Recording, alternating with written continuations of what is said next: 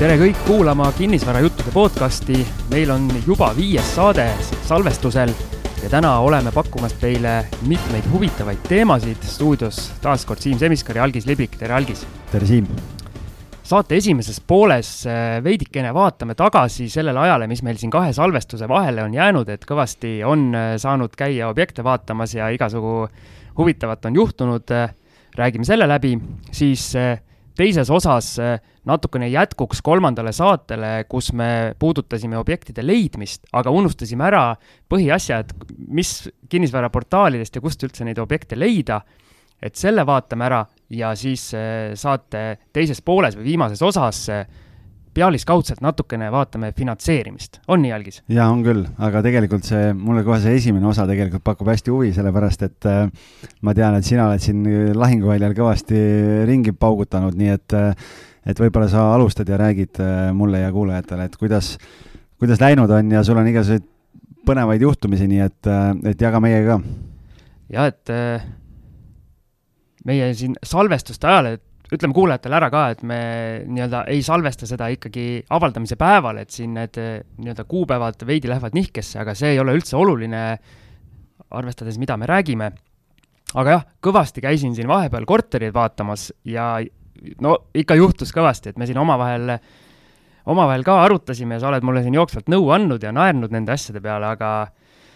esiteks, mida ma tahan öelda, kui ma siiamaani olen natukene rappinud siin erinevaid maaklereid, siis äh, nüüd vastupidi, väga palju positiivseid äh,, väga palju positiivseid asju on juhtunud seoses maakleritega, kõik on suurepäraselt oma tööd teinud, mul tunne, et nad kuulavad meie saadet. no jumal tänatud, jumal tänatud, siis on üks missioon on täidetud. jaa, et tõesti nagu absoluutselt väga hea nii-öelda klienditeenindus äh, olnud, et kiidan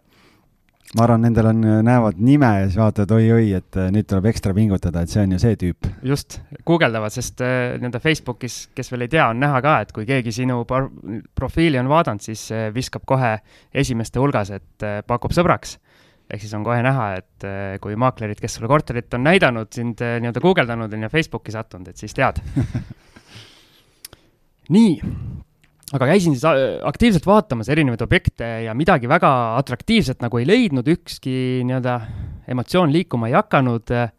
ja siis ühel päeval hakkas juhtuma selles mõttes, et ma käisin äh, ühel päeval kolme objekti vaatamas ja kõik olid sellised äh, nii-öelda potentsiaalsed mida ma põhimõtteliselt oma portfellis justkui oleks näinud. ma korra võib-olla täpsustaks, et äkki, äkki sa selgitad seda ka, et kas sa otsid praegu omale uut üüriobjekti või tahad sa flip'i teha või mis, mis see plaan on? see on nüüd keeruline küsimus, tol hetkel, millest ma nii-öelda räägin, siis ma otsisin üüriobjekti, aga siin vahepeal äh, mul on natukene ma olen näinud nagu nii-öelda kahvlisse, et kahte asja korraga läinud jahtima, et nii üüriobjekti, mille ma siis ostaks rahulikult äh, pika rahavoo vaates äh, endale ettevõttesse laenuga ja teine variant, selline nii-öelda flipi moodi asi, äh, kas siis täiesti nullist, nagu sina teed seal äh, kinnisvarajuttude Facebooki grupis ka avaldasid ühe huvitava pildi, kus seal ilus. liivapõrand ja ainult seinad püsti, kui needki. Jah, seal ka jah, ei sein-, seinad on okei okay, seisukorraga. et kas selline või siis mõni selline kiirem flip, et kus tuleb anda nii-öelda natukene nii-öelda huulepulka peale kanda nii-öelda viisakalt öeldes ja siis, äh, siis vaadata, mis edasi teha aga tol hetkel ma ikkagi otsisin endale nagu üüripinda või üürikorterit, üüripinda vist ei saa öelda ja, täpselt. Endale ei otsi jah ja., üüripinda. ja siis oli niimoodi, et käisin need, need kolm korterit järjest ära, see oli veel hästi, hästi sain endale ajatada ka, et iga pooletunnise vahega ja kõik olid suht samas piirkonnas. ja õhtul siis äh, saatsin kõik äh, need kuulutused ja info algisele kes oli kohe valmis mulle vastama. oh, seda õhinat oli väga palju seal selles no,, selles kirjas. ja, ja siinkohal tulebki minu võib-olla selline tänase päeva selline nõuanne, et otsige endale keegi valdkonnas äh, pädev inimene, kes äh, vaataks teie need jutud ja mõtted ja kuulutused üle. sest äh,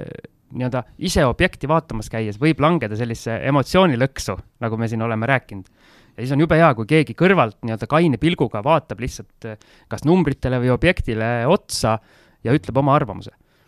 noh, veel parem on, kui maakler ise otsib sulle need objektid, on ju, siis jääb seda emotsiooni veel vähemaks, aga, aga noh, see on teine teema. jaa, absoluutselt, sellega ma olen ka nõus. nii, aga kes tahab ise harjutada ja, ja, ja otsida, siis no ma pean alati selle disclaimer'i vahele panema. vot, ja siis äh, oligi niimoodi, et äh, me käisime nagu järjest, järjest need kolm objekti algisega läbi, alates siis sellest, mis minule esiteks kõige nii-öelda parem tundus, et kõigil kolmel olid omad miinused, aga ka omad plussid. ja siis oli niimoodi, et järjest algis rääkis mulle need miinused, miinused ära, mida isegi mina võib-olla kas siis piisavalt suurena ei olnud näinud või siis mingid miinused, mida ma ei osanud isegi näha. näiteks üks konkreetne asi oli, üks korter oli Telliskivi tänaval ja algis ütles mulle, et sinna vasta ehitati,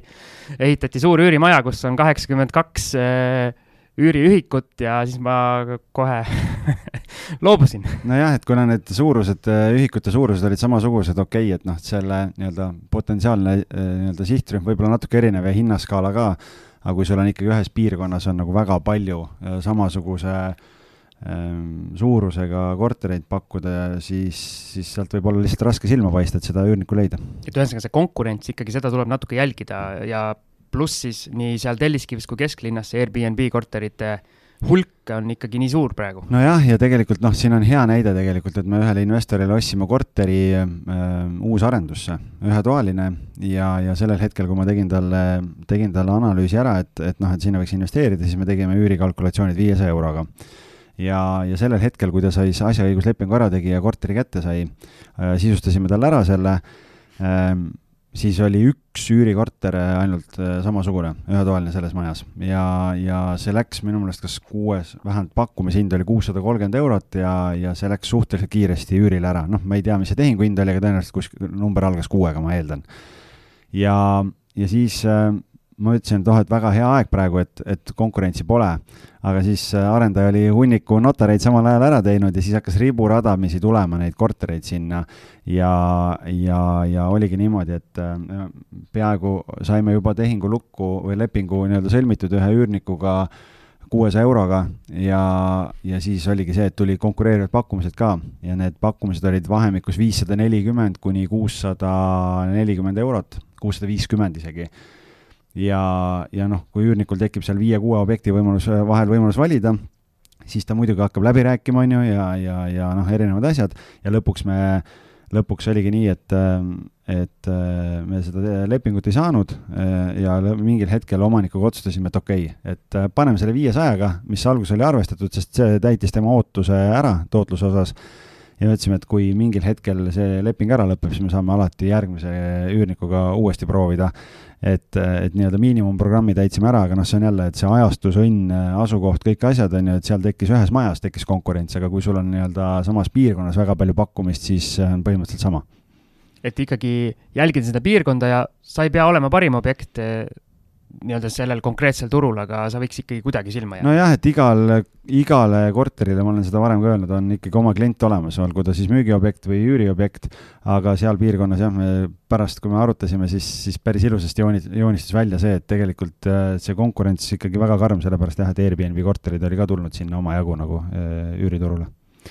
aga nii sai mul siis kolmest üks sai kohe maha kriipsutatud, kus tegelikult objekt oli ilus ja nii-öelda kõik nagu justkui sobis, aga see oli siis põhjus, miks ma loobusin. teine objekt äh, oli nii-öelda soklikorruse korter ja seal olid veel mõned miinused, mis lõpuks ikkagi tegid selle nii, nii algise jutu järgi kui ka ma ise lõpuks sain aru, et natuke liiga riskantne ja see jäi nagu kiirelt kõrvale. aga siis kolmas objekt, algis kiitis heaks, ütles, et kõik on okei okay,, hind tundub okei okay. ja siis ma järgmisel päeval helistasin maaklerile äh, kella üheteistkümne ajal ja ütlesin, et ma olen huvitatud. hommikul ikka? hommikul, jah. et eelmine päev käisin vaatamas õhtul ja hommikul kell üksteist helistasin ja siis öeldi mulle, et äh, juba käidi eelmine päev rahapatakas lauale, et neil on juba notar kokku lepitud ja et see korter on äh, põhimõtteliselt turult läinud, et Eesti rahval on kõvasti raha käes jah, no tegelikult käib neid äh, ikkagi, kui me räägime sellistest väiksematest ühikutest, siis neid ostjaid täna, kes ostavad ilma pangata, on, on päris palju ja, ja noh, teistpidi on ikkagi see, et noh, soovitan, soovitan seda, et kui minna vaatama, et siis kui ikkagi, kui vähegi meeldib, et äh, vähemalt viska, visata õhku see ettepanek, et ma tahaks ära broneerida, et kui sa siis pärast koju lähed ja saad kellegagi arutada, siis sul on veel võimalus ju ümber mõelda sellel hetkel, kui kui, äh, kui nii-öelda tuleb mingeid äh, signaale, millega sa ei olnud arvestanud, et no ma tean ka, on neid investoreid, kes käivad niimoodi, et on sularaha taskus ja panevad koha peal lauale ja ütlevad, et äh, mul on arvuti kaasas. teeme broneerimislepingu ära kohe ja näed, siin on, ma ei tea, tuhat eurot või kaks tuhat eurot ja nagu korras, aga siis sa pead olema ise nagu sada kümme protsenti kindel, et jah, see on, see on see asi, mida ma tahan osta et ma nüüd, nüüd sinu jutu jätkuks ühe nüüd sellise pakkumise, kus ma küll ei ole raha lauale ladunud, aga ma tegin koheselt pakkumise ära ja see võeti ka mõni tund hiljem vastu, selle ma olen teinud, aga sellest kunagi mõnes hilisemas saates, kuna see veel ütleme tehing pole toimunud ja ei taha siin ära sõnuda. laskmata karunahka ärme jaga, jah. just, aga lähme tollest päevast edasi. jäin sinna, et nii-öelda napsati mul see korter põhimõtteliselt nina alt ära ja see on nüüd, ütleme nii, et natukene minu emotsioone kõigutas, et ma juba suutsin seal mõelda ennast selle korteri omanikuks ja mida ma seal tegema hakkan ja niimoodi, et mis sa ütled, Algis, ühele rohelisele investorile, et kuidas neid emotsioone ikkagi natukene peaks tagasi hoidma, nii halbu kui häid? noh, ma ütlen seda, et vaadates ikkagi pakkumiste arvu, et äh, täna me jõuame ka sinna, et kui me räägime kinnisvaraportaalidest ja, ja, ja millist, kuidas portaalid üksteisest erinevad ja kui palju neid pakkumisi on, siis ma ütlen nii, et äh, et ähm, ei, ükski ei tohi nagu ära armuda eh, sellesse, et ükski objekt ei saa olla nii eriline, et sellele poleks võrdväärset või paremat varianti, nii et, et ma ütlen nii, et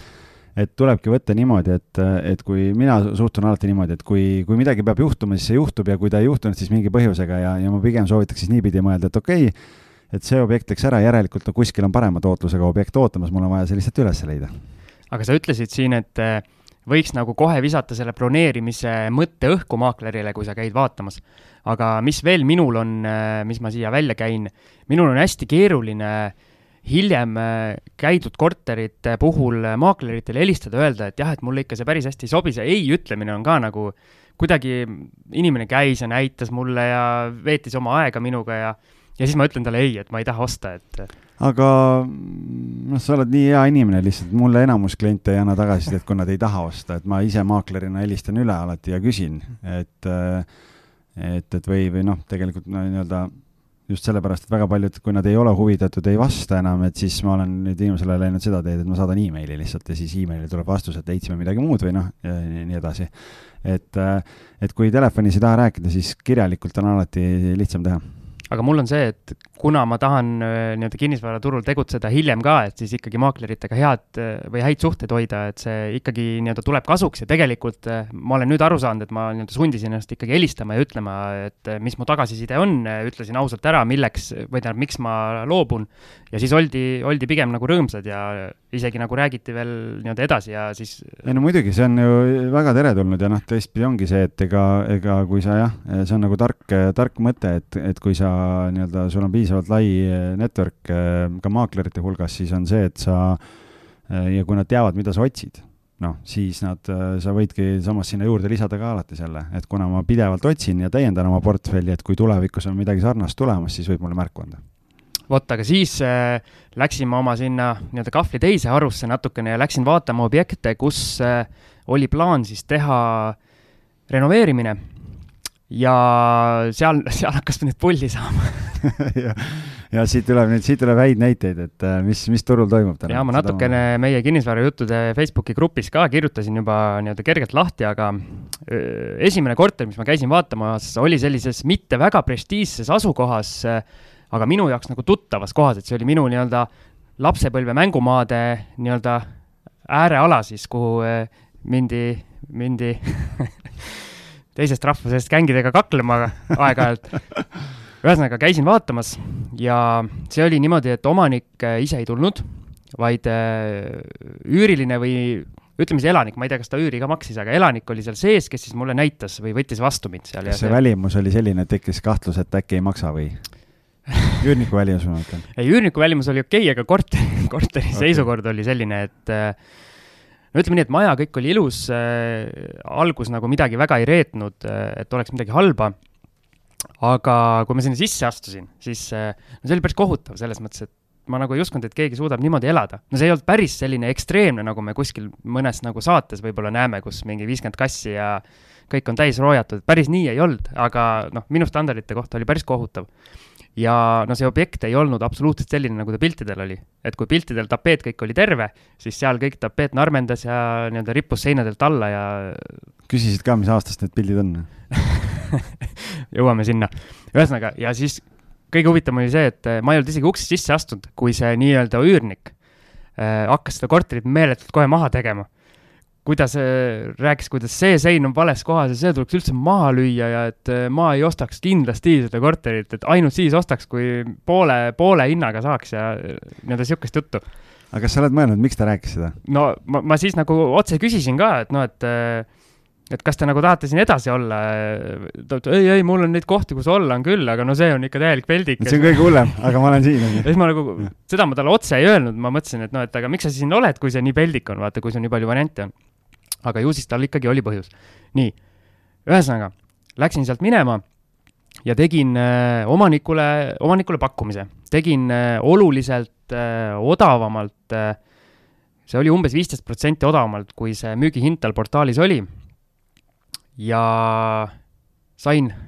järgmisel päeval kõne peale. said korvi? jah helistati, et äh, mis asja, et umbes sellise pakkumise tegid, et aga see korter on ju nii hea, et seal ei pea sisuliselt midagi tegema. ma ütlesin, et kas te olete seal käinud viimasel ajal, et äh, siis ta mõtles tükk aega, no jaa, siis ma juba teadsin, et see oli väike vale juba, eks ja siis me seal natukene arutasime, et mida ikka mina arvan, et seal tuleks teha ja siis äh, see nii-öelda proua väitis, et ei, tema on eluaeg remondiga tegelenud, et seal on ainult võib-olla püttvärvi vaja osta ja mis see laminaat siis äh, panna sinna põrandale, et seal muud, kõik muu on ju väga heas korras. Okei okay,, noh te, tegelikult äh, eks ta ongi, see on, noh, kui sul on üürnik sees ja, ja sa ei käi kontrollimas, ega sa ju ei teagi ja võib-olla ta on seal mitu aastat elanud, on ju, ja sa arvadki, et aga kui ma andsin talle üürile, see oli ju nii ilus ja, ja kõik oli super. ja aga teine asi on veel see, et noh, see on nagu ehe näide sellest, et äh, miks äh, maaklerid saadavad kliendid või üürnikud äh, kodunt ära siis, kui nad lähevad korterit näitama, sellepärast et äh, tihtipeale, kui omanik ise müüb, siis mis juhtub, on see, et äh, tuuakse sinna juttu sisse igasugust sentimentaalset väärtust, kuidas ta on kolm last seal üles kasvatanud ja värgid ja ja siis on veel eriti hull, kui, kui on mingi lahkuminek käsil või midagi, tulevad need pisarad ja asjad ja noh, siis, siis on nagu jube, jube ebamugav ja, ja keeruline olukord, on ju. Aga, aga just see, et kui sa ise kohale ei tule ja üürnik on ju, noh, et sa nagu jätad üürnikule äh, selle voli, et tema siis peaks presenteerima või rääkima sulle, mis seal korteris on, no mis huvi sellel üürnikul on, et see omanik selle korteri ära müüb, ta peab hakkama uut elukohta otsima, on ju, kust ta leiab, võib-olla tal see taust ei ole ka korralik, noh, kõik sellised asjad või mingid jamad, noh, siis ta loomulikult ju paneb nii palju, kui torust tuleb, et, et aga noh, see on nagu omaniku enda ämber, et ega seal sellisel juhul ma no tal läheb raskeks selle korteri müümisega. no tal oli juba selles mõttes raske, et äh, ta müüs seda ise ja ma rääkisin sulle ka selle naljaloo ära, et äh, esimest korda, kui ma temaga ühendust võtsin, siis, siis tundus, et kõige äh, nii-öelda hullem inimgrupp, keda karda, keda tema kardab, on maaklerid, sest mul võttis pool minutit aega selgitada ja tõestada, et ma ei ole maakler, et ma ei taha, ma ei taha ta korterit ise hakata müüma, vaid mina olen huvitatud ta korterist, et ta küsis mult kolm korda, kas sa oled maakler, miks sa helistad mulle nojah, et see on äh, tegelikult vaata äh, noh, kuna üheksakümmend protsenti kinnisvarakuulutustest on maaklerite käes ja maaklerid ju peavad ka oma portfelli kuidagi kasvatama, siis äh, kui keegi otse omanikult plaanib müüa, siis, siis ma alati nagu naljatan, ütlen, et noh, et esimesed kaks nädalat lae telefoni aku täis, et telefon on punane ja maaklerid helistavad ja, ja pakuvad abi. Ja on neid, kes nii-öelda professionaalselt teevad seda ja on veel neid, kes suserdavad ja ütlevad, et ma tulen kliendiga kohale ja siis tulevad, võtavad sõbra kaasa ja ja teevad mingit tsirkust koha peal. Ja noh, igasuguseid äh, nii-öelda näiteid on turult olemas, aga aga jah, et äh, päris, päris huvitav, ütleme nii, et aga, aga hinna osas siis tegi ta mingi vastupakkumise ka või jäi täitsa diil katki? jäi diil katki, mina sain aru, et ta tahabki seda hinda, mis tal oli portaalis ja see oli niimoodi, et ta ütles, et aga mul on ju hindamisakt tehtud mingist ülivanast ajast, ma ei mäleta, kas üheksa kuud või midagi, üheksa kuud tagasi, ilmselt enne seda üürnikku. et äh, see oli siis, äh, ma ei tea, ma võin numbritest ka rääkida, nelikümmend seitse tuhat, eks, aga portaalis oli tal neljakümne kuue poolega, ehk siis nagu justkui viis sotti oli alla andnud äh, ja siis ütles, et ei, aga mul on hindamisakt ju selle summa peal nojah, et üheksa kuud vana hindamisakt enam ei kehti, et kuus kuud on tavaliselt see aeg, millal pangad arvestavad seda hindamisakti. jaa, aga no, tema ega... võttis, et see korteri väärtus on äh, ikkagi no, see. ega ta tõenäoliselt äh, muutunud ei ole ju selle ajaga eriti, sõltub äh, natuke võib-olla siia-sinna, sõltub, mis tehinguid on tehtud, aga aga jah, ei tea ju, mis see seisukord oli, kui, kui see hindamisakt tehti jah, et, et kas see üürnik elas juba sellel ajal seal sees või mitte. no vot, ma küsingi sinu käest, et kas nii-öelda hindamisel hindaja arvestab ka seda nii-öelda hetkeseisukorda või kui palju seda arvestatakse ja? ikka, selles mõttes mõttes, et äh, see on kindlasti veel eraldi teema, et mõnikord mõne hindaja kutsuma äh, stuudiosse ja, ja räägime täpsemalt äh, nendel teemadel, aga, aga seal on ikkagi jah, nagu vaadatakse üldist seisukorda ja, ja noh, ka seda, et, et kui sa oled remondi teinud, vaadatakse, mis materjale sa oled kasutanud ja, ja uuritakse selle kohta, aga sest noh, sul on ju, kas seal on, nendel on nii-öelda kuidagi see liigitus on niimoodi, et kas on väga hea seisukord, hea, noh, keskmine kuidagi, noh, nendel on mingid omad sõnastused seal erinevad astmed ja see siis määrab ja mõjutab ikkagi selle hindamisakti väärtust ka. aga mul on üks hea kogemus ka sellest, kui mitte omanik ei näidanud, vaid üürnik näitas korterit, et too korter, mis ma siin meie kinnisvara juttude podcasti alguspäevadel olin just omandanud, et seal oli tegelikult sama situatsioon, et üürnik mulle näitas, aga, aga tema käitus väga, väga korrektselt, koristas isegi nii-öelda korteri ära eelnevalt, võttis viisakalt vastu. Noh, seal oligi, tema huvi oli see, et ta saaks seal jätkata, noh, see teine üürnik ei mõelnud selle peale, et tema võib-olla arvas, et sa tahad kodu endale osta ja ta visatakse välja. oleks ta teadnud, et sa tuled, tuled investorina ostma, noh, siis võib-olla ta oleks teistmoodi käitunud nii, see, see korter kukkus suht kiirelt ära, aga mul oli juba järgmine objekt valmis vaadatud, mida minna vaatama. see oli veel kahtlasemas kohas minu jaoks. Läksin Maardusse, Maardu, Maardu kinnisvaraturuga tutvuma, ma ei olnud kunagi Maardus äh, rohkem käinud, kui võib-olla seal paar korda läbi sõitnud või kuidagi sattunud sinna. ja seal juhtus selline asi, et sõitsin mina kohale, käisin natukene ringi, me seal üle-eelmises podcast'is vist rääkisime ka, et äh, nii-öelda tutvusin oludega. ja siis, kui see korterikülastuse aeg kätte jõudis, siis äh, mina helistasin omanikule ja minu, minu kõnedele enam ei vastatud ja ei vastatudki ja siiamaani ei ole vastatud, ehk siis omanik jättis, jättis tulemata. portaalis on üleval ikka kuulutus, oled vaadanud? kuulutus on üleval, jah. okei okay,, no kummaline, et äh, aga noh, edu talle noh, niimoodi ma eeldan, et niimoodi on raske müüa, kui sa kohale ei tule näitama jah, noh, kaks väga head näidet sellest, mis saab siis, kui sul endal ei ole oskusi, teadmisi, viitsimist, aega oma kinnisvara müüa aga minu jaoks selles mõttes oli see nii-öelda ikkagi positiivse märgiga käik, et ma sain aru, et äh, see Maardu kant minust jääb puutumata. mis sulle siis ei meeldinud seal? no ei olnud päris. Sovieti hõng ei, ei no ta oli jah, nagu linn linnas või kuidagi, mm. ütleme niimoodi, et see oli natuke sihuke ma olen käinud äh, Maardus ka, noh, mul ei ole ühtegi tehingut ei ole seal küll olnud, aga ma olen seal niisama käinud aeg-ajalt ringi sõitmas, et äh, päris huvitav, noh, nii-öelda ma aeg-ajalt üldse mulle meeldib niimoodi, et ma sõidan Kopli liinidel või kuskil, noh, muidugi see piirkond nüüd areneb ka, aga aga käid ja vaatad nii-öelda seda, et, et kuidas inimesed elavad. seal peab lootma, et äh, see automootor üles ei ütle kõige, kõige karmimas kohas. vana autoga ei tohi minna, jah. nii, aga jah, siis juba korra saime, saime puudutatud, et kõige värskem info on siis see, et tegelikult äh, üks tehing meil äh, või mul siis käimas on ja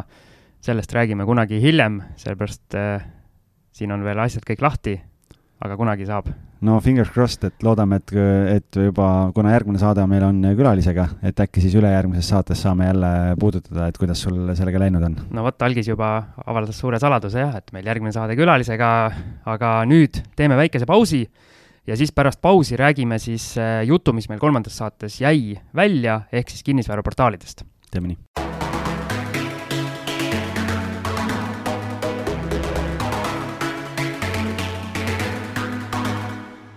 ja pärast väikest vahekõlli kinnisvarajutud on tagasi. kui meil esimene osa siin meie arvates oli ikka super põnev, siis äh, nüüd läheb järjest põnevamaks, et algisel on siin äh,, ma tahan kiita, algisel on tehtud jällegi suurepärane eeltöö, et taaskord kui keegi tahab maaklerit, kes teeb meeletult eeltööd, siis äh, minu vastas istub. Aitäh sulle, noh, tegelikult äh, on, on ju põnev ja, ja ega peab ju hoidma silma peal, mis turul toimub, et, ähm, et ma tegin jah, sellise väikese äh, kokkuvõtte, et, äh, et kui me rääkisime kolmandas saates objektide leidmisest ja, ja mida teha, kui sa lähed, mis on see eeltöö, mida koha peal teha ja nii edasi, et siis me tegelikult jätsime rääkimata selle, et kust neid objekte üldse leida ja, ja noh, tegelikult ega eks lõviosa kuulutusi on ikkagi kolmes suures äh, portaalis, meil on kolm suurt kinnisvaraportaali, meil on City kakskümmend neli, meil on kv.ee ja, ja kinnisvara kakskümmend neli.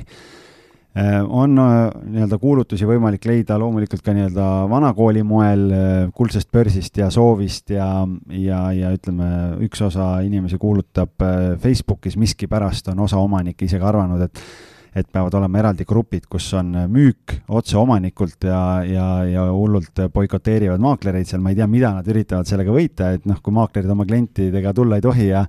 või, või nii-öelda abi pakkuda ei tohi, noh siis äh, Siimu esimese osa juurde tagasi tulles, siis äh,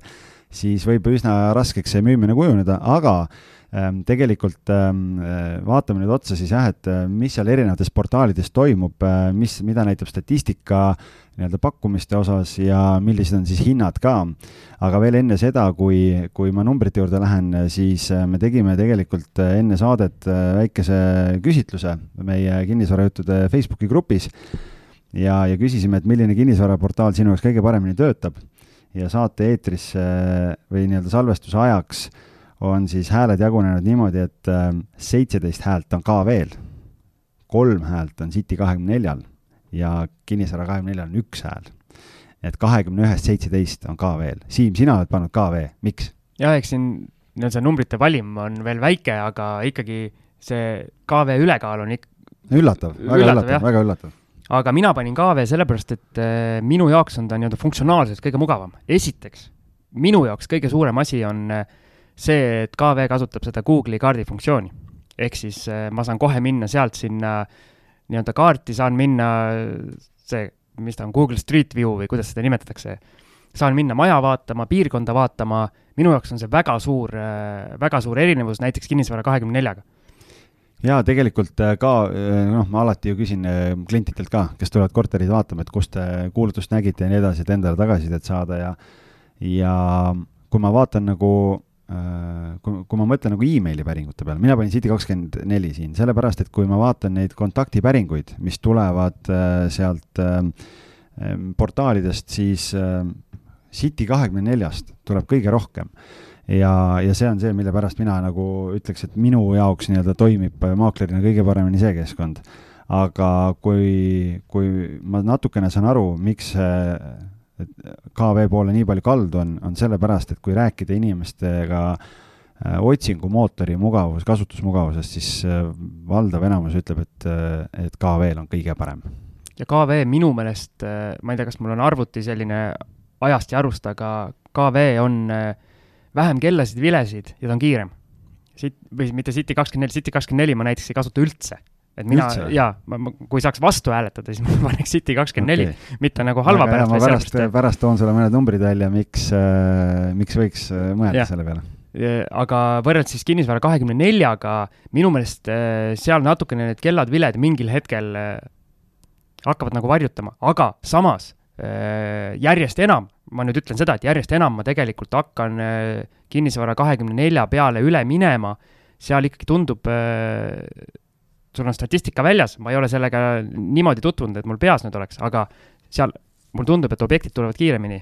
ja neid tuleb rohkem. jaa, tegelikult võib-olla enne jah, kui numbritesse läheme, räägime selle ära, et äh, tegelikult äh, mõistlik äh, oleks alustada Kinnisvara kahekümne neljast, sellepärast et kuna Kinnisvara kakskümmend neli portaal on loodud kinnisvarabüroode poolt, siis väga paljudel suurtel kinnisvarabüroodel on selline noh, need, need, see koostöö Kinnisvara kahekümne neljaga on niimoodi üles ehitatud, et kuulutused lähevad kõigepealt üles kinnisvara kahtekümmend nelja, nad on nelikümmend kaheksa tundi seal üleval ja alles siis lähevad Citysse ja KV-sse. ehk et kui sa tahad kiiresti jaole saada nii-öelda ja esimesena ukse taga olla, siis kinnisvara kahekümne neljas sa saad kätte, kui ta läheb Citysse ja KV-sse kahe päeva pärast, siis, siis võib-olla juba on hilja, on ju, kui on väga-väga hea asi, nii et et, et sellepärast see nagu tasuks arvestada. kui me nüüd vaatame aga seda, et et milline portaal on siis kõige suurem siis äh, see oli taaskord tegelikult üllatus, et ma olen ju noh, üüriturgu ja niimoodi jälginud ja, ja selle koha pealt nagu teadsin, aga kui vaadata kogu kuulutuste arvu, kogu Eestit, siis KV-s on müügipakkumisi kaheksa tuhat kolmsada, üle kaheksa tuhande kolmesaja natuke. City kahekümne neljas on kuus tuhat umbes. ja kinnisvara kahekümne neljas, aa, kinnisvara kakskümmend neli on kuus tuhat kuussada ja City kakskümmend neli on kolmas kuue tuhandega. Ehk et pakkumiste arvu poolest kogu Eestis on KV on nagu pika puuga siin kakskümmend viis protsenti rohkem kui, kui järgmistel. ja, ja siis Kinnisvara kakskümmend neli on teine ja City on kolmas. ja kui me vaatame äh, nüüd Tallinnat näiteks, siis huvitav on see, et äh, et äh, kui me vaatame müügipakkumisi, siis City kahekümne neljas, ma käin nüüd kõik portaalid eraldi läbi, et tekiks, et saaks aru, milline portaal kus, äh, kuidas nagu toimib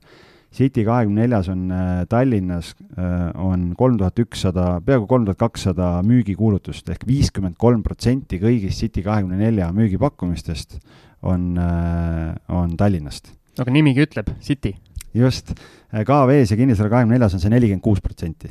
et see, et nii-öelda City kakskümmend neli on Tallinnas, on selges ülekaalus ja tegelikult see number joonistub veel jõulisemalt välja äh,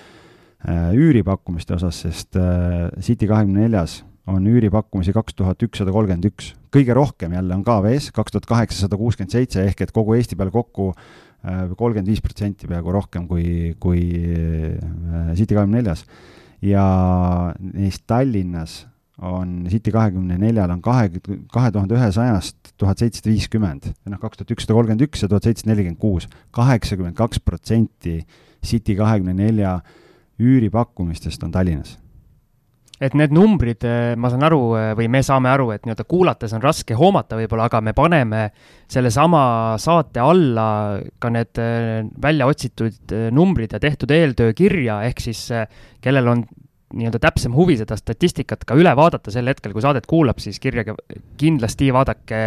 saadete märkmed üle. jah, ka veel ja Kinnisvara kahekümne neljal on kuuskümmend seitse protsenti, kuuskümmend seitse, kuuskümmend kaheksa protsenti üüripakkumistest on Tallinnas. Cityl on kaheksakümmend kaks, ehk et see tähendab seda, et äh, nende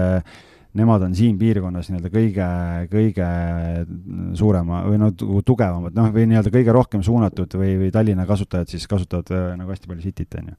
ja kui me vaatame nüüd äh, üüripakkumiste koha pealt üleüldiselt, siis äh, et kui müügipakkumistes oli Kinnisvara kakskümmend neli oli teisel kohal, siis, äh, siis üüripakkumiste osas on tegelikult on niimoodi, et KV-l on siin peaaegu kaks tuhat üheksasada üürikuulutust Tallinnas.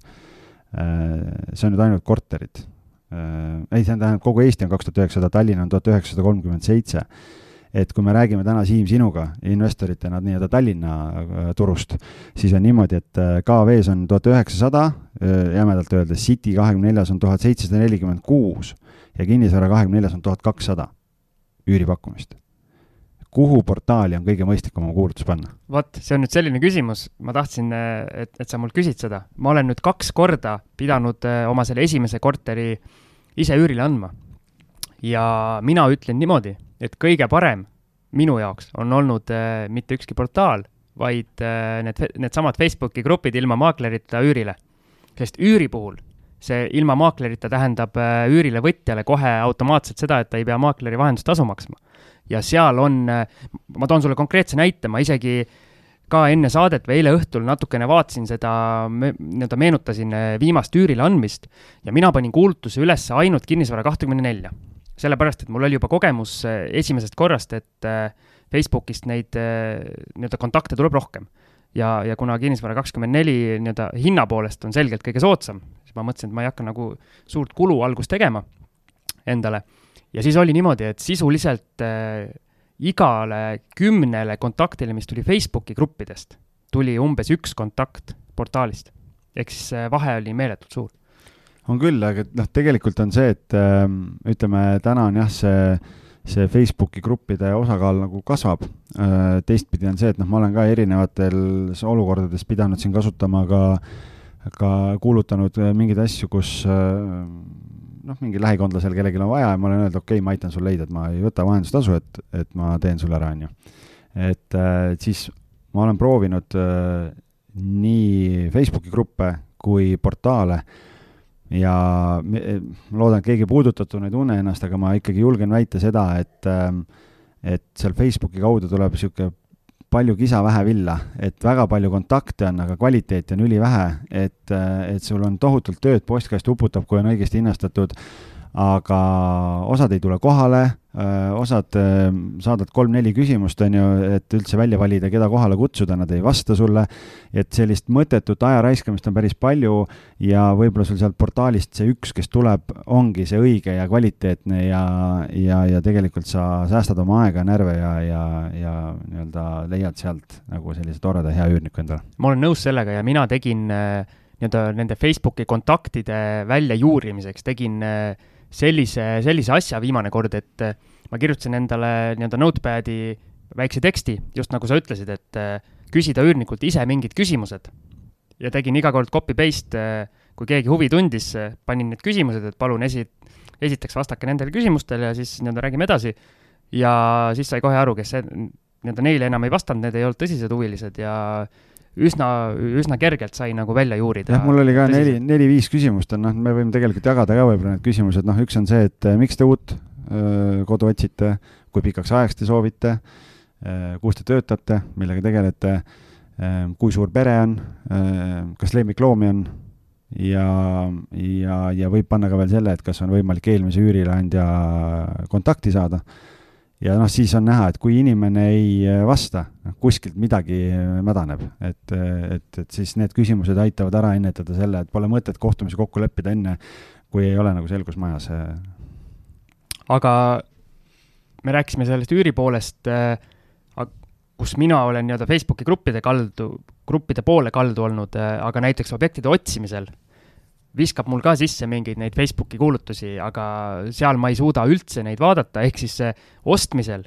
ja minu puhul ka nii-öelda müümisel, kuigi ma ei ole pidanud müüma, aga ma eeldan, siis äh, ma nende gruppide poole ei vaataks, vaid ikkagi kasutaks äh, neid traditsioonilisi kinnisvaraportaale ja põhjus, miks ma objektide otsimisel seda teen, ongi see, et sul on ühe kuulutuse juures kaart, kogu info, kõik sa saad äh, vaadata neid ehitusregist-, mitte ehitusregistri, aga neid äh, nii-öelda maja andmeid ja nii-öelda kõik asjad jooksevad kokku.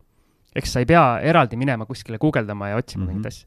noh, ja tegelikult äh, võib-olla siia veel, et kust kuulutusi leida, üks asi on võib-olla veel, et aeg-ajalt pannakse korteri trepikodade seintele ka kuulutusi, aga, aga seal on jah, kust sa selle info kätte saad, on ju, ja siis sa pead olema õige mees õigel ajal õiges kohas. ja, ja seal on nagu võib-olla see lihtsalt, et see mõne, mõni samas trepikojas elav inimene näeb ise seda võimalust ja, ja saab kiiremini jaole. elasin pikalt äh, ühes paneelmajas, kus äh, kogu aeg keegi käis kleepimas äh, välisuste peale kuulutusi, ostan, ostan korteri siin majas ja siis olid need ärarebitavad, need telefoninumbrid ja see oli jah, mingil ajal oli see üsna levinud ja tegelikult praegu siiamaani osades kohtades tehakse või osad soovivad vahetada ja, ja erinevaid asju on. aga aga jah, et selle täpsed numbrid me paneme, paneme siis sinna, sinna podcast'i notes idesse, et saate sealt vaadata. aga kui me nüüd räägime reklaamimise poolest, et kui kuulutus üles panna, et, et, et mis see, mis see kulu erinevus siis on, noh, Facebook on tasuta, on ju, noh, tegelikult äh, jah, et kui sul on, kui sa oled nagu üürileandjana, lood endale mingi brändi, ma ei tea, Siimu kodud OÜ on ju, et teed eraldi Facebooki lehekülje, siis sa saad tasulist reklaami ka osta. Siimu luksuskodud. jah, just, et Siimu häärberid, et, et. villad. jah, aga okay,, okay. aga muidu on nii, et, et kui me räägime portaalidest, siis noh, portaalidest lihtsalt on erinevaid võimalusi, et sa lisad kuulutuse, sellel on mingi kindel hind ja mis need hinnad siis on, vaatasin, vaatasin järgi, et noh, kuna minul on nii-öelda ettevõtte alt pakett, nii-öelda maaklerteenuse pakett, siis äh, seal on natuke hinnad erinevad, aga ma toon need ka välja. City kahekümne neljas äh, maksab näiteks, ma võtsin kõik kolmekümne päeva, ühe kuu äh, hinnad, et kui seal mingites portaalides on ka üheksakümne päeva summad ja nii edasi, on natuke soodsamad, aga et, et oleks nii-öelda võrreldav, siis ma võtsin kolmkümmend päeva. müügikuulutus City kahekümne neljas, kolmkümmend päeva on kolmkümmend viis eurot. KV-s kolmkümmend päeva on, seal oli välja toodud, oli päevahind toodud ja oli alates, ehk et ähm, kuna ma eraisikuna ei ole niimoodi pannud, siis sa võid mind täpselt täiendada, kui, kui sul on äh, mingi kogemus, aga, aga seal tuli välja, et kaheksateist koma kolm äh, eurot on kolmkümmend päeva, kaheksateist koma kolm, City kahekümne neljal kolmkümmend viis ja kinnisvara kahekümne neljal seitse koma viis ehk et kahekordsed vahed nagu kahekordsed hüpped kinnisvara kahekümne neljast, kahekordne hüpe KV ja sealt omakorda kahekordne hüpe on City kakskümmend neli vot ja kui mina nüüd neid numbreid nägin esimest korda sinu välja tooduna, siis esimene küsimus äh, mul sulle oli, et äh, kuidas äh, need teised kaks portaali üldse elus on, et miks Kinnisvara kakskümmend neli ei ole neid lihtsalt ära söönud oma odavate hindadega? No eks see harjumuste jõud on ikkagi hästi suur ja, ja inimesed ikkagi see top of mind nii-öelda on, et, et, et esimesena, et ahah, kinnisvara otsida, siis igalühel on tekkinud oma mingi lemmikkoht, kuhu ta läheb, on see KV või City ja, ja täpselt, kui sa oled harjunud ühte kasutama, siis, siis teise lähed, siis küll ei saa ühest asjast aru ja, ja teine asi on kuidagi keeruline ja, ja, ja nii ta on, et ega no inglise keeles on ka habits are hard to break, nii et, et, et eks ta on siin natukene samamoodi. aga võtame selle jutu selles mõttes kokku sinu poolt, et mida sina soovitad, oletame, võtame nüüd kaks stsenaariumit. esiteks, mina üritan oma kinnisvara müüa, teiseks, ma üritan leida endale üürnikku. mis see, kas sa soovitad näiteks panna kõikidesse portaalidesse ja Facebooki ja igale poole või on äh, mingi optimaalne, võimalikult odav variant, nii-öelda parima hinna-kvaliteedi suhtega variant, mida sa soovitaks? noh, tegelikult on nii, et äh, et mina ise kasutan paralleelselt äh, kõiki kolme, kõiki ma ei pane, äh, kinnisvara kahtekümne nelja ei ole päris kõiki pannud, äh, sõltub nagu objektist natukene ja, ja kuidagi kuna mul noh, kinnisvara kakskümmend neli on soodne, seal statistika kasvab, kõik on, kõik on nagu ähm, selles mõttes on nagu äge, see on kasvav portaal aga kontaktpäringuid on sealt tulnud kõige vähem, ehk et sellepärast äh, mul teinekord äh, noh, ei ole lihtsalt äh,, ei ole nagu pannud. aga kui on, nagu me räägime täna meie kuulajatest, kes võib-olla alustavad, on ju, ja, ja kui sa räägid, et sul on, ma ei tea, kolmesaja või kolmesaja viiekümne eurone üüriobjekt ja sa laod ta kolme portaali ülesse, noh siis see kulu on juba päris suur äh, siin kuu aja kulu, et äh, seal peab natukene nagu numbritele otsa vaatama, et kas see tasub ennast ära või ei tasu, aga teistpidi on jälle see, et kui paned ainult ühte, näiteks paned kinnisvara kahtekümmend nelja, ja siis ootad kuu aega ja kuu aega üüritulu ei teeni ja pead kommunaali asju maksma, siis see on teistpidi jälle, et, et, et seal peab nagu igaüks peaks enda, enda jaoks nagu katsetama ja proovima et, et, et ega siin õiget või valet vastust tegelikult olemas ei ole, et aga kui me vaatame üldse veel, me rääkisime müügikuulutustest, kui me vaatame üürikuulutusi, noh, siis need hinnad on enam-vähem samad, aga tegelikult on see, et me oleme siin rääkinud ka, et kas kas üldse kinnisvarainvestorina tegutseda eraisikuna või tegutseda ettevõtte alt, siis tegelikult on ettevõtte alt võimalus ka neid äh, reklaame üles panna ja seal on ka hinnad on erinevad, et näiteks kinnisvara kahekümne neljas on niimoodi, et noh, Siim, sul on juba, portfell kasvab mühinal, on ju äh,, kinnisvara kahekümne neljas on äh, ettevõttele on selline startpakett, kus sul on kuni kümme kuulutust ja see maksab viisteist eurot pluss käibemaks on kuu noh, et, äh, et, et kui sa eraisikuna paned ühe kuulutuse, on seitse pool eurot kolm, kuu aega kui sa KV-sse paned, seal on tavapakett, on selle nimi, kuni kümme kuulutust on viiskümmend üheksa eurot. ja City kahekümne neljas on Pro pakett, mis on kuni kakskümmend kuulutust ja nelikümmend üheksa eurot, et ettevõtetel on KV jällegi kõige kallim, pika puuga. Nii et, et siin on nagu selline mõttekoht jälle. Aga müümisel ikkagi, ma nüüd aitan algist selle disclaimer'iga, et müümisel ikkagi tasuks äh, maakleri poole pöörduda, ma saan aru, et äh, see kulu on kõik ju maaklerteenuse hinna sees juba, pluss on veel see, et me räägime praegu tavalistest kuulutustest, aga täna hommikul just, hea näide, äh, üks kuulutus, kuulutus on üleval olnud mingi kolm nädalat tavaliselt on nii, et kui mingi uus kuulutus tekib, nii noh, nagu Siimul on pandud koputajad peale, on ju, et kui mahub parameetritesse, tuleb postkasti teavitus kohe ja, ja siis esimese nädala jooksul äh, tavaliselt on päris aktiivne äh, nii-öelda huviliste ring. kui esimesel nädalal on vaikus, siis äh, hind on kõrge järelikult. ja, ja siis on niimoodi, et, et ma panin täna hommikul tasemeteenused peale, ma võtsin kogu Tallinna kahetoalised korterid, mul on kahetoaline korter äh,, ja ütlesin omanikule, et kuule, et eelmine nädal oli vaikne, et ma nüüd järgmiseks nädalaks ma katsetan, ma panen tasemeteenuse peale, et vaatame, mis juhtub. ja, ja vaatasin ära, võtsin kõik Tallinna ütle vahepeal, mis asi on tasemeteenus? tasemeteenus tähendab seda, et, et kui, kui inimene otsib, ta paneb mingi filtri, ta võtab kas Kristiine, paneb kahetoalised korterid näiteks ja paneb otsi, et siis seal on need, et on tasemeteenus, kui sa lisad taseme juurde, KV-s on majad, selle nimi, lisad nii-öelda, ostad sinna täiendava nii-öelda positsiooni juurde, siis sa tuled otsingute sees otsas välja. Ja ma vaatasin ära, et ahah, et kui ma võtan Tallinnas kahetoalised korterid, vaatasin, et City kahekümne neljas vist, või KV-s oli, et oli nii-öelda kaks maja, oli ostetud kõige esimesel kuulutusel, ma ostsin kolm. Mis tähendab seda, et minu kuulutus tuhand, mingi tuhat kakssada, tuhat kolmsada kahetoalise korteri kuulutust oli Tallinnas, selle kliendi kahetoaline korter tuleb nüüd, kui keegi paneb lihtsalt Tallinn kahetoalised, et ta ei otsi kindlat piirkonda, tuli esimesena äh, otsingus välja ja vaatasin tund aega hiljem, keegi oli veel tõstnud oma taset, oli ka kolmanda pannud, et olin teiseks kukkunud, aga noh, et selles mõttes, et ma olen ikkagi top kolmes, tuled kohe välja. ja, ja City kahekümne neljas panin ka peale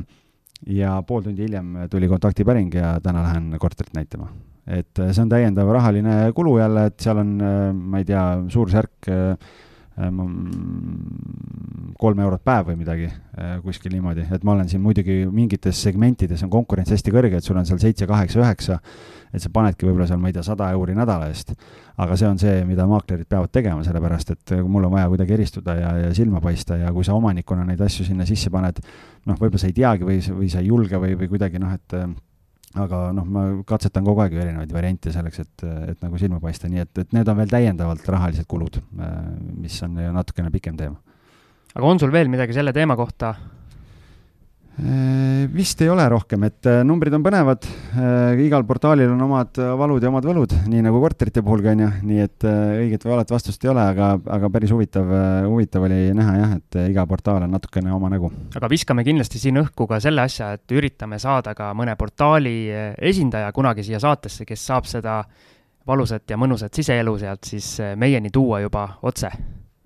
jaa, et äh, see on selline teema jah, et, et iga, igal portaalil on natuke oma arengustrateegia ja omad suunad ja omad tugevused ka ja statistikat võib-olla just, et mida seal leheküljel tehakse, kui kaua keskmine külastaja seal aega veedab ja nii edasi, et noh, see on selline põnev asi, mida äh, igalühel sellele infole ligipääsu ei ole. meie vist väga keskmised külastajad ei ole, meil on portaalid kogu aeg lahti. nojah, me oleme seal nii-öelda, see raske kahurvägi. kiibitsejad. aga siia siis jälle väike vahekõll ja siis jätkame juba sellise finantseerimise teemaga, mis alati kirgi kütmas on.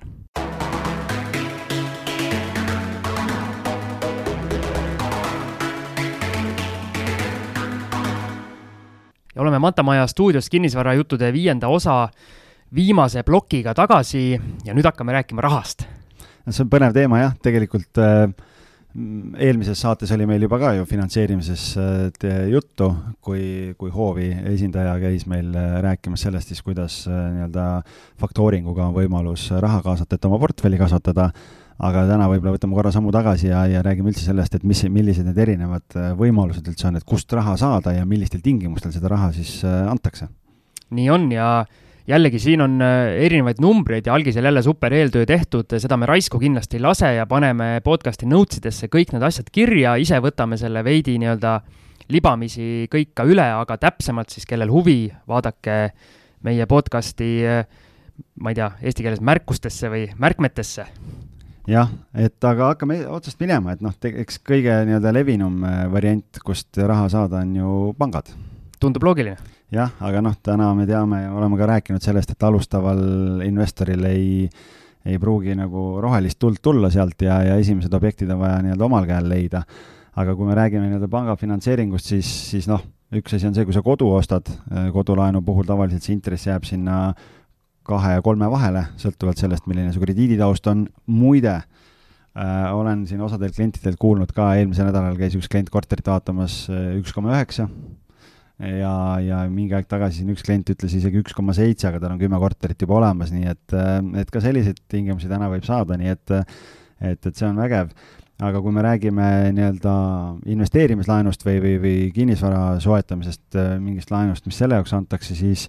siis seal jääb reeglina sinna kolme poole ja viie protsendi kanti. Siim, sul on ka siin kogemus olemas, et vastab see info tõele? Jah, põhimõtteliselt küll, et äh, aga ma vist esimesena ütlen selle panga ja just kodulaenu põhjal ära, et äh, minu kindel veendumus on, kui vähemalt meievanustel inimestel ei ole kodulaenu, siis äh, see on ikkagi see laen, mis tuleks võtta ja kui mitte, siis enda kodu soetamiseks. kui sul on juba näiteks välja ostetud korter või mis iganes, et siis just kasutada seda investeerimiseks, sest ma mõtlen kinnisvarasse investeerimiseks, et odavamat raha on raske kuskilt saada absoluutselt, noh täna ja Euribor on ka siin peaaegu miinus null koma viis on ju, et, et see on nii soodsalt kätte saadud raha, aga, aga jah, siin jälle see disclaimer, mis vist esimeses saates käis ka läbi, et kui kui pangaga peaksid need asjad läbi arutama, et, et seal võivad need tingimused natuke muutuda, aga teistpidi on see, et, et, et see ei ole nii-öelda maailma lõpp. ja meie kindlasti ei ole finantsnõustajad ja, ja tehke kõik oma otsused ise, et siia see, see asi ka juurde. nii, aga sa küsisid mu käest äh, nii-öelda kinnisvaralaenude kohta, minul on jah, nii-öelda üsna hiljutine kogemus just ettevõttele nende päringutega, saatsin kõikidele pankadele, me vist siin esimestes saadetes seda natuke puudutasime ka ja ja minu, minu hinnangul see sinu kolm kuni kuus protsenti, see vahemik, see vastabki täpselt, täpselt nagu sellele, mis, mis mulle pakuti. natukene isegi üle kuue oli ka see kõige kõrgem, mille, mis mulle pakuti, aga seal need muud tingimused ikkagi loevad äh, isegi rohkem kui see nii-öelda intress, et see laenu pikkus ja ja kõik see muu. kas äh, seal vist peaks olema see loogika, et kui kõrgem intress, aga siis sul on võimalus äh, ka pikemat perioodi kaubelda natukene? just, aga see periood praegu tänu sellele koroonale või ma ei tea, pangad just mitte intressiga ei läinud nii nagu konservatiivseks, et ei hakanud seda väga kõrget küsima, vaid vaid selle perioodiga tõmbasid selle võimalikult lühikeseks. ma olen ka kuulnud, et kümne aasta asemel on kuute ja kaheksat aastat ja, ja, ja mingeid erinevaid variante pakutud. minul kõikidest pankadest vaid, vaid üks pank pakkus niimoodi, et äh, pakkus nagu kümneaastase graafikuga viieks aastaks, mis oli nagu nii-öelda maksimum, mis oli ka tegelikult kõigil teistel pankadel justkui maksimumina kirjas. Aga siis tuli pakkumised, et seitsmeaastase graafikuga viieks aastaks ja siis üks pank pakkus, et äh, viieks aastaks viieaastase graafikuga. okei okay,, no see on päris raju, et, et see on jah, selline seal tõmbab punasesse ära kohe, et ei ole väga lihtne. ei no seal on see, et kui mina kuulan erinevaid Ameerika neid kinnisvara podcast'e, seal on põhiasi see, et sa saaks peale nii-öelda positiivse rahavoo ja seal antakse firmadele kuni kahekümneks aastaks ikkagi nii-öelda pikad laenud, siis äh, ütleme, kümne aastaga või tähendab, kümneaastase graafikuga on väga-väga äh, keeruline, kui mitte võimatu praegu siin Tallinnas äh, saada positiivset rahavoogu mõnele üüriobjektile, et mina vaatasin need objektid, mis mulle huvi pakkusid, saaks nii-öelda nulli kuskil viieteist aastaga. Ja on jah, et tegelikult ikka seal miinus sada, kakssada eurot, kui väiksemaid objekte vaadata, nii ta kipub olema jah, et äh, aga noh, seal ongi, äh, seal ongi, siis tuleb vaadata neid teisi variante, mis meil on, kuigi peab äh, juba jah, ette ära ütlema, et ega soodsamalt kuskilt ei saa kui, kui pangast, et aga, aga täna on küsimus üldse selles, et kas sa saad pangast? Ja, ja kui ei saa, et mis siis nagu edasi teha, et et ühe variandina ongi siis see inglise keeles on ta FFF on ju, Friends, Fools, Family, eesti keeles on ta SSS, sugulased, sõbrad ja saamahimulised. et sugulased on inglis, inglise keeles lollid jah, on jah. ei noh, see ei ole, see on saamahimulised ja on see Fools. et okay. äh, aga noh, et, et, et seda nagu erinevalt tõlgitud, aga ma nägin, et kinnisvaraga rikkaks saamise õpikus oli SSS nii et äh, R on puudu, ainult SSR. et äh,, et on äh, ja noh, tuttavate kaudu, kui on, kui on äh, nii-öelda investorid või, või jõukamaid inimesi, kellel raha lihtsalt seisab ja ei osata sellega midagi pihta hakata, siis siis saab sealt küsida ja ütleme nii, et noh mm,, kui on väga head kontaktid, äh, võib nelja protsendiga saada, aga pigem ta kipub ta ikkagi jääma sinna viie kuni, kuni kaheksa protsendi vahele, et, et, et meie oleme siin kuue protsendiga saanud äh, raha kaasata ostude jaoks, äh, kuidas sinul on läinud sellega? mina ei ole seda nii-öelda FFF ringkonda kasutanud, aga ma tahtsin sinu käest küsida, sul on reaalne kogemus sellest, et kas te kogusite selle nii-öelda juppidena näiteks, ma ei tea, emalt kaks tuhat, isalt kaks tuhat viissada ja siis vendadelt tuhat viissada igalt ühelt ja lõpuks saate selle sada tonni kokku, mis teil vaja on, või ühelt suurelt? jah, me ei ole nii keeruliselt teed läinud, et me oleme võtnud ühelt investorilt ikkagi ühe objekti oleme sidunud ühe konkreetse laenuga. aga kust te leiate nii rikkad sõbrad? noh, selles mõttes tuleb, äh, tuleb käia network ida ja suhelda, et ega, ega noh, vaata ütleme, inimeste tutvusringkond võibki olla erinev ja sellepärast näiteks need inimesed, kes ütlevad, et aga mul ei ole sellist võimalust täna, siis äh, meil on täna igasuguseid erinevaid kiri, kinnisvaraseminare mm, siin toimumas ja, ja käia seal, seal on ümarlauad, kus istutakse nii-öelda laua taga ja saadakse lauakaaslastega tuttavaks ja ja, ja leiab neid kontakte, lihtsalt ise peab aktiivne olema, et ega magavale kassile hiir suhu ei jookse. aga need vist on juba need investorid, mis sul on veel eraldi seal lõpus välja toodud, on ju eh, aga...? jah, et on eraldi veel on üks asi on tuttavad ja teine asi on veel investorid, et noh, investoritega niimoodi, et ma ka siin kevadel oli üks, üks selline magus diil tuli lauale kus oli üks äh, suur korter, mis äh, hakkas kohtutäituri kätte minema uusarenduses ja ja selle oleks seal saanud niisugune äh, seitsekümmend, kaheksakümmend tuhat eurot alla turuhinna kätte. ja, ja siis ma tegelikult küsisin siin ka, ma nime ei hakka nimetama, ühelt Eesti tuntud inimeselt küsisin, küsisin raha selle jaoks ja ja sealt tuli mulle pakkumine, tuli kaheksateist protsenti oli see intressiootus aastas ja, ja miinimum oli siis see, et kolm kuud on garanteeritud, et kui ma oleks ostnud, teinud kiire flipi, ostnud, suutnud selle maha müüa äh, paari kuuga, siis ma oleks vähem, nii-öelda näiteks kahe kuuga, siis ma oleks kolme kuu intressi pidanud talle ikkagi maksma. et äh, ja, ja see hüpoteek, mis ta tahtis saada, oli ka selle kinnisvara äh, väärtuses, nii et ja, ja ta pakkus mulle LTV vist või nii-öelda, et kolmkümmend protsenti oleks pidanud olema omafinantseering.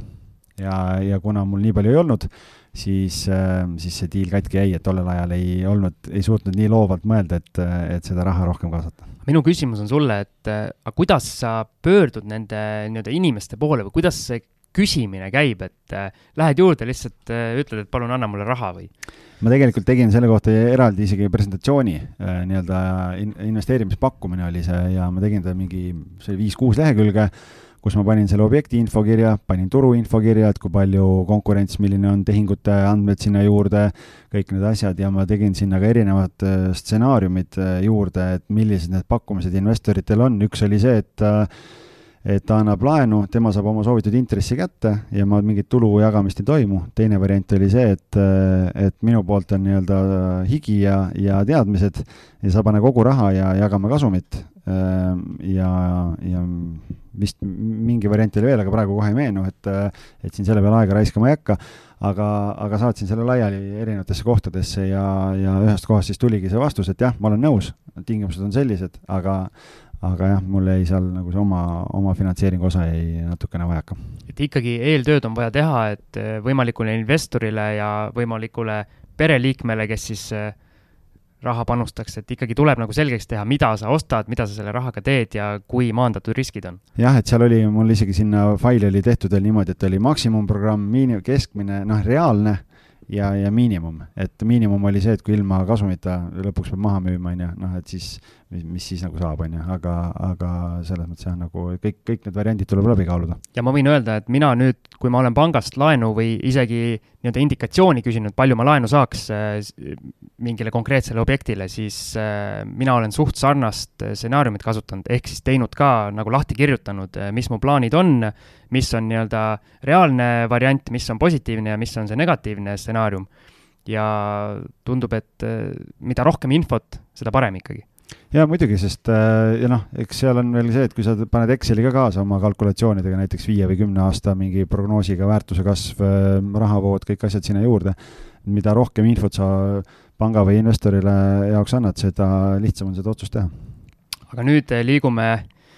veel kõrgemate intresside juurde, ilmselt ja. kolmas, neljas ja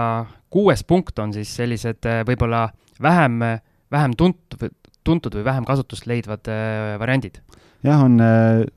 kolmas on siis, kolmas variant on hüpoteeklaen, et on erinevaid ettevõtteid, kes pakuvad äh, hüpoteeklaenu, ehk et mis see tähendab, see tähendab seda, et nad annavad teile selle kinnisvara ostmiseks laenu, aga nad tahavad saada mingi kinnisvara tagatiseks, millele siis seatakse hüpoteek. noh, näiteks kui täna äh, kui täna, ma ei ole ise hüpoteeklaenu kuskilt võtnud, et ma ei tea seda suhet äh, hüpoteegi ja reaalse vara väärtuse või selle laenusumma vahel, aga näiteks kui täna kodu osta või nagu korterit ja pank annab laenu, siis reeglina see, see hüpoteek on kolmandiku võrra kõrgem kui äh, see laenusumma, sellepärast et, äh, et ta kataks ära kõik intressid ja viivised ja kõik muud asjad, kui sul peaks nagu probleemid tekkima, et et, et aga hüpoteeklaenude puhul on jah, nii palju, kui ma vaatasin, on see, et, et siin vist oligi hüpoteeklaen.ee oli, on nii-öelda üks tuntumaid nii-öelda selle sektori pakkujaid, seal intressimäär algab üheksast protsendist. noh, tõenäoliselt ta ikkagi jääb kahekohaliseks tavaliselt, aga aga, aga seal on jah, nii-öelda kuni viisteist aastat on see periood, milleks saab võtta ja seal saab äh, valida siis kuni kolmekümne kuue kuu ehk kolmeaastase maksegraafiku. Et äh, ja seal tasud jooksvalt siis ainult laenuintressi ja tagastad laenu põhiosa ühe maksena selle lõpus, et äh, et noh, natuke keerulisem, aga, aga ta on ühe variandina võimalik ja, ja tegelikult sarnaselt toimivad ka neljandas punktis on meil, on hoiu-laenuühistud, et tegelikult nende laenud toimivad nii-öelda suht sarnasel põhimõttel et, et aga seal on intressid juba ütleme neliteist, viisteist protsenti ja, ja kõrgemad, et ähm, just siin ise tegin ühe tehingu augustikuus, objekt maksis seal müüa, maksis mingi kakssada viiskümmend tuhat umbes ja, ja seal oli võetud Eesti Hoiu-Laenuühistust, see oli, oli selline objekt, kus oligi võetud nagu noh, niisugune kallis objekt, kus tehti äh, pooleliolev asi korda, eh, noh, isegi väga-väga-väga palju paremaks ja, ja, ja omanik eh, mulle teadaolevalt teenis päris kopsaka kasumi ka sealt vahelt veel, hoolimata sellest, et intress oli väga kõrge. et eh, siin vist tasubki öelda, et siis peab ikkagi väga korralik plaan olema, kui nii-öelda nii kalli laenuraha järele minna? nojah, sellepärast et noh, kui sa nii-öelda üüriportfelli ehitad, noh siis kui sa teenid kuueprotsendilist tootlust, aga laenu võtad viieteistkümne protsendiga, noh siis numbrid ei jookse kuidagi, kuidagi kokku. siis teenib keegi teine sinu ja, pealt ja, ja, ja kuues variant on siis, on ühisrahastus, et noh, ühisrahastusportaale kinnisvaras on, on meil siin mõned, aga, aga kui me vaatame noh, näiteks siin äh, Estate Guru pakub minu teada sellist võimalust, et on, on võimalus siis äh, näiteks kui tahad flippi teha, et sul on mingi, ma ei tea, kolmkümmend, nelikümmend, viiskümmend protsenti omafinantseeringut on olemas ja tahad ülejäänud raha kaasata siis, äh, siis sealt saab ka sellise nii-öelda kahekohalise numbriga äh, intressiga laenu kaasata, kümme, üksteist, kaksteist protsenti. kindlasti ka kõrgemini, aga, aga ma räägin nii-öelda sellest äh, kõige soodsamast otsast ja ühisrahastuses äh, jällegi see eeltöö peab olema nagu selles mõttes korralik, et peab ikkagi oma nii-öelda äriprojektid äh, projekt peab olema korralik, taust peab olema korralik, noh, kõik, kõik see pool, sellepärast et kuna seal kaasatakse raha erinevatelt investoritelt, kes võivad seal, ma ei tea, viiekümne või saja euro kaupa sinu ettevõtmist toetada, noh siis, siis ütleme jah, et sõltuvalt sellest riskiastmest ja taustast ja, ja objekti keerukusest tuleb ka see intress sinna laenule. küsimusi, Siim, selle koha pealt oh,? Ei oskagi praegu kohe küsida, aga ikkagi mulle tundub, et äh, selle kinnisvara investori teekonnal varem või hiljem, pigem varem, tuleb äh, väga, väga raskelt esile see küsimus, et kust ikkagi kapitali saada, et äh, kui on soovi kiiremalt kasvada, siis selleks on kapitali vaja ja paljudel meil ikka siin sajad tuhanded taskus kohe olemas on. jah, tegelikult on, on äge on see, et, et inimesed kirjutavad ja, ja, ja kuna ma siin ühes saates viskasin õhku, et mingil hetkel ikkagi on see mõte ka, et, et võtaks nagu inimeste rahad kokku ja teeks, teeks midagi koos, et kellelgi on siin natukene ja ma sain tegelikult eelmise nädala jooksul kaks sellist, ühe kõne ja ühe kirja, kus üks inimene ütles, et äh, kuule, mul on kolmkümmend tuhat, et äh, kuidas on, et, et äkki saab panna kokku rahad kellegagi ja, ja teha midagi koos. Ja nädalavahetusel sain ühelt vanalt klassivennalt kõne, ütles, et äh, kuule, mul on siin mingi viisteist tuhat, et, et äkki teeks mingit flip'i või midagi, et äkki leiame, paneme rahad kokku ja hakkame kasvatama. et, et, et selle koha pealt tegelikult, kui meie kuulajatel on, on nii-öelda raha ja, ja ei, kas ei julge või ei tea või ei oska täna sellega midagi teha, siis võib julgelt märku anda, sellepärast et mingil hetkel võib-olla äh, kes teab, teeme kinnisvarajuttude ühise,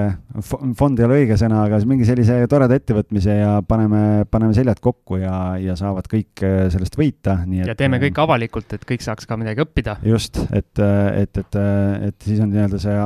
avalik surve ka peal ja, ja peab kõike nii läbipaistvalt ja korrektselt tegema, kui, kui nagu vaja on aga muide, Siim, mul tuli üks huvitav olukord meelde sellega seoses, et ma rääkisin, et mul siin helistatakse ja kirjutatakse